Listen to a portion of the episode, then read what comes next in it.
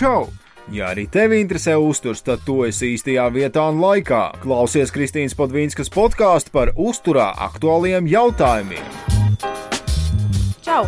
Mani sauc Kristīna Podvīnska, un reizēm šķiet, ka man ir arī trešais vārds - uzturs. Par un ap uzturu interesējos jau aptuveni piecus gadus, taču mana vēlme un vajadzība pēc zināšanām bija nerimdināma, tāpēc nolēmu iegūt maģistra grādu uzturzinātnē. Savu ikdienu pavadu spraigi un dažādi. Strādāju uzņēmumā Food Factory, kur rūpējos par to, lai cilvēki būtu laimīgi un pēduši. Un strādāju kopā ar treneriem treneru apvienībā Train to Win LV, kur palīdz sportistiem visdažādākajos uzturu jautājumos. Konsultēju arī individuālos klientus, kur stāstu, mācu, rādu, kā pareizēst. Un vēl man patīk patīk lasīt lekcijas. Un te nu es esmu arī šeit, savā podkāstā, jo gribu, lai arī jūs uzzinātu un zinātu vairāk.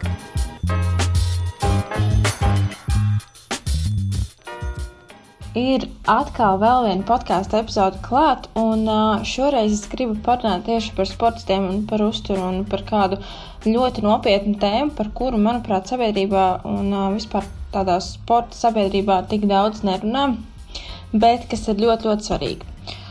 Sports un uzturs iet roku rokā, tas nu ir skaidrs, taču reizēm gadās tā, ka sports iet pāri uzturam, ja ir problēmas ar adekvātu un pietiekošu uzturu uzņemšanu ikdienā, jeb tiek patērēts vairāk nekā tiek uzņemts un cik attiecīgajam sportistam ir nepieciešams. Šodien vēlos parunāt par svarīgu un nozīmīgu tēmu, kas ir sieviešu atlētu triāde, jeb citā vārdā to sauc, un uh, mazliet tas atšķirās no sieviešu atlaides triādas, bet tā uh, ir tā saucamais relatīvais enerģijas deficīts sportā. Uh, lai gan šoreiz vairāk vēlos tieši koncentrēties tieši uz sievietēm, bet arī vīriešu atlētu vidū var tikt novērots enerģijas deficīts. Bet sākumā parunāsim tieši, tieši par sievietēm. Ir skaidrs, ka sports prasa savu, ir jābūt disciplīnai ne tikai izpildot treniņu plānu, bet arī jādisciplinē sevi attiecībā uz ēšanu, uz ēšanas paradumiem, miegu un atpūtas režīmu, kā arī citiem faktoriem, kuri ietekmē to, cik veiksmīgs un labs, cik veiksmīgi un labi sportists var performēt, jeb uz, uzrādīt savu sniegumu sacensībās un arī treniņos. Ir gadījumi, kad pēdējās divas lietas tiek aizmirstas un attiecīgi rodas problēmas. Un uh, tiešām mēs runājam, atkal atgriežamies pie sievietēm, tad uh, sieviešu atlaidu trijāde ir stāvoklis, kurš nereti tiek novērots tieši sportiski aktīvu sieviešu vidū. Kas tad ietilpst šajā trijādē, kas būs uh, nedaudz atšķirīgi no relatīvā enerģijas deficīta tieši sievietēm, tad uh, nepiet, tad uh, trijādē ietilpst nepietiekama enerģijas uzņemšana, menstruālā disfunkcija un zema kaulu mineralizācijas pakāpe. Tātad šīs trīs lietas. Un šis stāvoklis tiek definēts kā metabolā trauma, un tas var attīstīties jebkurai sievietei, jebkurā vecumā, ar jebkādu fizisko sagatavotību. Un tiek novērots, ka trijādi ir gan profesionāli, gan arī amatieru vidū. Kā pamats sieviešu atlaidu trijādei ir disbalans starp uzņemto un patērēto enerģiju. Un, diemžēl, trijādei ir gan īstermiņā, gan ilgtermiņa ietekme uz sievietes veselību un labsajūtu. Trīs punkti, kā mēs varam novērot, ka ir šī sieviešu atlaide trijāde. Tātad pirmais punkts būtu zema enerģijas uzņemšana, kas nav saistīta ar dažādiem uzturu uzņemšanas traucējumiem. Otrais būtu menstruālā disfunkcija, un trešais būtu zemes kaulu minerālais blīvums. Reizēm tiek konstatēti divi vai viens punkts no šiem, un to var nosaukt par pirms jeb pret triādu stāvokli. Uh, Protams, samazinot nepieciešamās enerģijas daudzumu, tiek ietekmēti ne tikai šie faktori, bet arī imunitāte, proteīna sintēze organismā, kardiovaskulārā veselība un citi, par kuriem parunāsim arī vēlāk, kad, kas, kas, kas skar arī vīriešus. Jāatceras, ka enerģija ir nepieciešama ne tikai fiziskajām aktivitātēm, bet arī visiem pārējiem procesiem, kuri notiek organismā, piemēram, elpošanā, asinsrite, gramošana un tā tālāk. Zemes enerģijas daudzums reizēm ir novērojams tāpēc, ka tiek ierobežota enerģijas uzņemšana, piemēram, dažādas diētas, kas īpaši tiek novērotas estētiskajos sporta veidos, kā piemēram mākslas vingrošana un citi, kur šis tievais augums ir ļoti, ļoti svarīgi. Vai arī tiek patērēts vairāk šī enerģija, un nevienmēr tas notiek apzināti un tiek pamanīts, jo īpaši tas novērojams augsta līmeņa sportistiem, kuri ļoti strauji var nonākt šādā stāvoklī. Lai gan trijāde biežāk ir novērojama tieši profesionāļu vidū, tā var ietekmēt arī amatierus.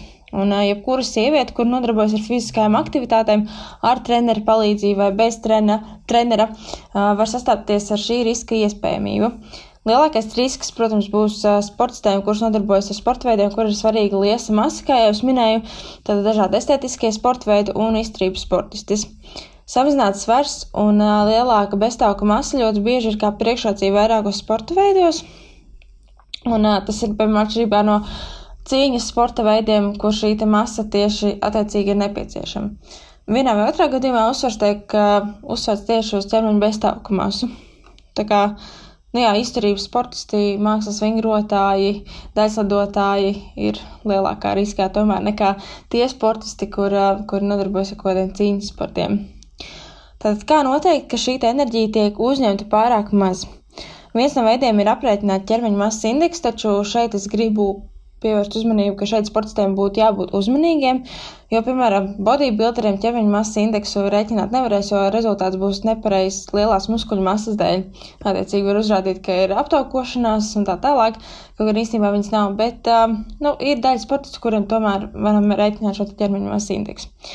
Ja ķermeņa masas indeks ir zemāks par 17,5 vai arī svars ir zemāks nekā 85% pieaugušo, tātad Iespējams, ka šī enerģija tiek uzņemta pārāk maz. Jāņem vērā fakts, ka var būt sportistes un sportisti, kuri gluži vienkārši ģenētiski ir ļoti tievi un tiek ēsts viss, vis, kas ir nepieciešams, un viņi vienkārši tādi ir. Bet šeit mēs atkal runājam tieši par to, ka enerģija tiek uzņemta pārāk maz un kā to noteikt. Ja šīs pazīmes netiek novērotas, tad vēl viens veids, kā šo pārbaudīt, ir sarēķinot, ir sarēķinot attiecīgi no uzņemtās enerģijas atņem enerģijas patēriņu un sadala ar beztauku masu. Ja iegūtais skaitlis ir mazāk nekā 30, jeb 30 kalorijas uz 1 kg beztauku masu, tad kaloriju daudzums ir pārāk mazs, un tas jau var ietekmēt trijādas attīstību. Optimālais enerģijas daudzums dienā būtu 45 kalorijas uz kilogramu beztauku masas. Iemesli, kāpēc šī enerģija tiek uzņemta pārāk maz, var būt dažādi. Tie var būt ilgi un gari treniņi, kādu uzturu produktu ierobežošana vai izslēgšana, diētas, sporta veida specifika un citi. Par menstruālo disfunkciju, kas ir kā otrais punkts pie šīs sieviešu atlaides triādes. Ja organismā regulāri ir negatīvs enerģijas balanss, tiek supresēta reproduktīvā fizioloģija, lai saglabātu vairāk enerģijas citām vitālām funkcijām. Tātad reproduktīvā sistēma, jeb dzimuma sistēma, visi dzimuma hormoni un tā tālāk būs kā sekundāri, kas, kas būtu organismam jānodrošina, kur darb, kuru darbību organismam būtu jānodrošina. Menstruālajie traucējumi var būt pirmais signāls, kurš liecina par to, ka ir problēmas ar pietiekamu enerģijas uzņemšanu. Visnopietnākais simptoms ir aminoreja, jeb mēneša, mēneša reižu neesamība vismaz trīs mēnešus. Un uh, tad pie šī ir jāstrādā diezgan ilgi, un lai normāls cikls atgrieztos pēc tam, kad uh, jau ir uzsākts uzņemt pietiekošu enerģijas daudzumu, vidēji paiet aptuveni gads. Tā kā ļoti, ļoti ilgs laiks, lai mēnešais atgrieztos. Uh, nākamais punkts ir šis zemais kaulu blīvums. Kāpēc jāpievērš uzmanība šeit tieši sievietēm? Tāpēc, ka mums ir osteoporozes risks līdz ar vecumu. Un, jā, Ir tādas vairākas definīcijas, pēc kurām tiek noteikts, ka kaulu blīvums ir samazināts. Nu, piemēram, mugurkaulu lūzumu divi vai vairāk lūzumu līdz 10 gadu vecumam, trīs vai vairāk lielo kaulu lūzumu sākot no 19 gadu vecuma. Bet nu, visprecīzāk noteikti uzlabot šo kaulu blīvumu būs mērot, ar, mērot rengenoloģiski. Lai uzlabotu sieviešu stāvokli, tad ārstēšanas stūrakmenis noteikti būs uzlabot un sakārtot enerģijas balansu ikdienā sekot līdzi uzņemtajām un patērētajām kalorijām, to kvalitātei, kā arī minerālu vielu un vitamīnu uzņemšanai. Jāatcerās, ka uzturvielu pieprasījums sportistiem ir atšķirīgs no tā, kas ir nepieciešams cilvēkam, kurš ar sportu un fiziskajām aktivitātēm nenodarbojās. Ka, kā vispār šo situāciju arī uzlabot, un kas, tad, kas drīzāk attiecās uz sporta speciālistiem, treneriem un tā tālāk, uh, tad noteikti būtu nepieciešams veikt kādu skrīningu. Ir dažādi jautājumi par ciklu, novērtējot fiziskos parametrus, novērtējot asins analīzes. Ja par šo ir kādi sīkāki, vairāk jautājumi, tad noteikti varat uzjautāt man. Es jums varu aizsūtīt šīs skrīninga, skrīninga jautājumus, kas var palīdzēt jau laikus noteikt, vai ir šis te, uh, sieviešu, sieviešu atlaida trijādas risks. Nu, lūk. Un uh, būtu nu, būtu nepieciešams novērtēt iespējamos riskus laikus, bet bieži vien tie tiek pamanīti tikai tajā brīdī, kad jau parādās kādas grūtības un problēmas. Piemēram, nogurums, pasliktinās sporta, sporta sniegums, ja performance, biežas traumas, bieži sakot saslimšanas un tā tālāk. Tāpēc būtu ļoti, ļoti vēlams arī treneriem jau, jau daudz vairāk sekot, varbūt ne tikai tam, cik labi sportists izpilda šo treniņu plānu, bet uh, arī apzināties šos riskus, un, kā jau minēju, tad riski var būt arī vīriešu vidū. Uh, ja nu ir gadījies tā, ka tiešām ir visi šie trīs punkti, ir divi punkti vai kāds no punktiem, tad, uh, protams, to visu ir iespējams labot un ārstēt un uzlabot sievietes vispārējo veselības stāvokli. Primāri noteikti jāsakārto ir uzturs, jāpārskata treniņu grafiks, ja nepieciešams jāiesaist arī psihoterapeits, jo nereti arī sportistu vidū uh, ir iespējami kādi ēšanas traucējumi. Nu, un retos gadījumos jau tiek pielietot arī farmakoloģija, jeb medikamenti, bet uh, pārsvarā tieši ar uztura, uztura izmaiņām to būtu iespējams izlabot.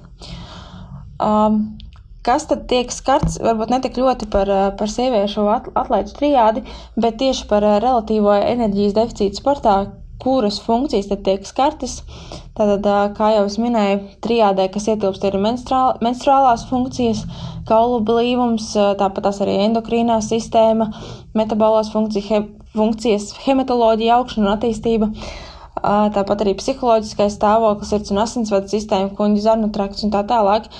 Tā kā principā enerģijas deficīts attiecīgi ietekmē visas, visas mūsu organismu sistēmas.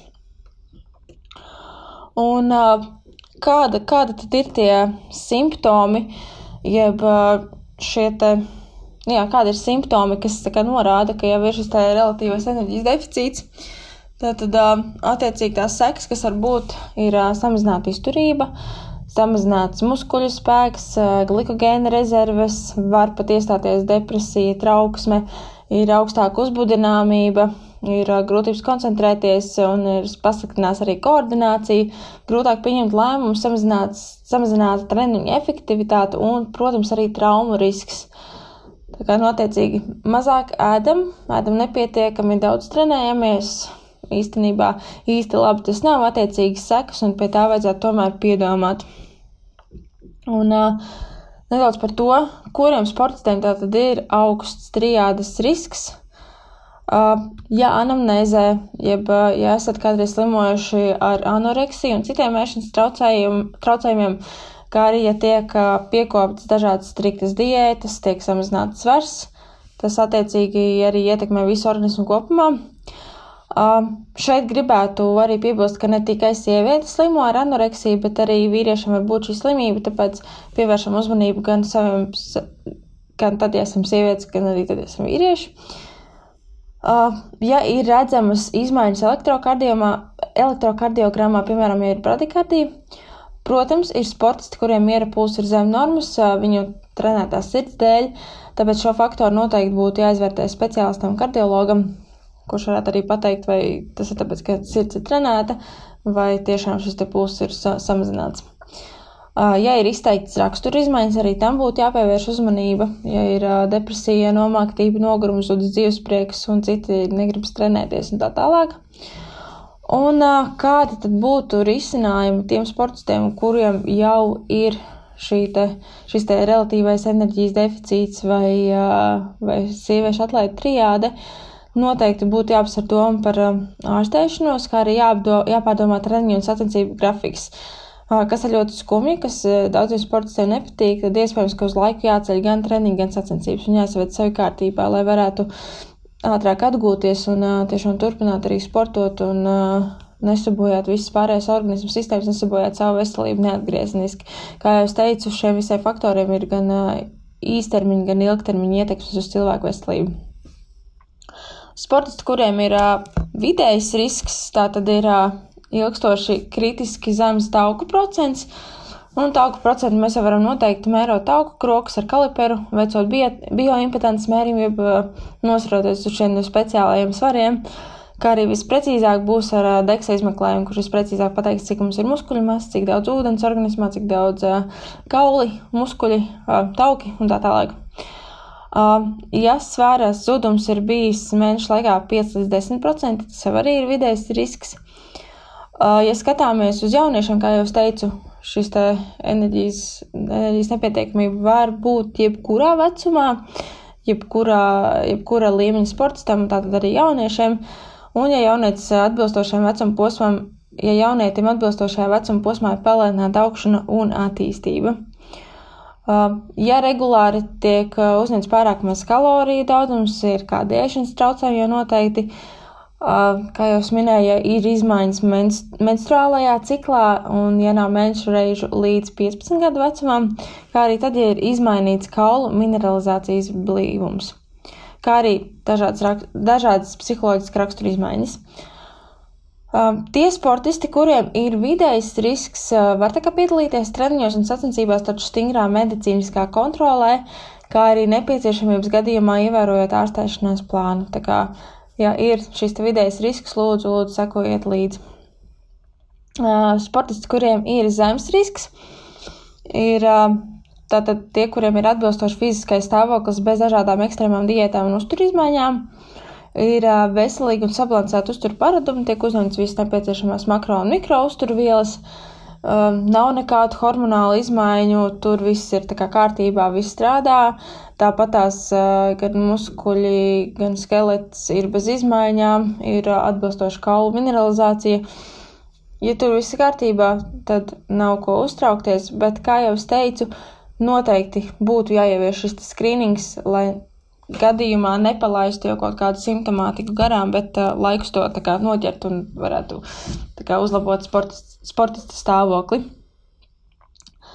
Tā tas īstenībā īsumā būtu par šo tēmu viss, bet nu, jā, tiešām es vairāk gribēju tieši vērst uzmanību uz, uz treneriem un, protams, arī uz pašiem sportistiem, jo arī mums pašiem tā kā ir jāuzņemās atbildība par sevi, gan par to, kā mēs ēdam, ko mēs ēdam, cik daudz, vai mēs pietiekoši ēdam, vai tas ir kvalitatīvs uzturs. Bet uh, mums ir jebkurā gadījumā jāsadarbojas arī ar treneru, un arī treneriem būtu jāpievērš šiem uzmanība. Uh, Lielas paldies par to, ka jūs noklausījāties. Un, ja jums ir kādi jautājumi, droši rakstiet man. Jūs varat rakstīt tepat apakšā SoundCloudā, jūs varat rakstīt man uz Facebook, rakstīt mums Instagram, vai arī privāti Facebookā, kāds jums ir tas ētākais komunicēšanas veids. Tā kā gaidīšu jautājumus, gaidīšu ierosinājumus par nākamajām podkāstu tēmām, un paldies, ka klausījāties! Tiekamies arī nākamajā reizē. Ah, un vēl starp citu, ļoti labs podkāsts tieši sporta tēmai ir Trent Vināla vai podkāsts. To jūs noteikti arī varat atrast un noklausīties. Tā jā, tiekamies nākamreiz. Atā!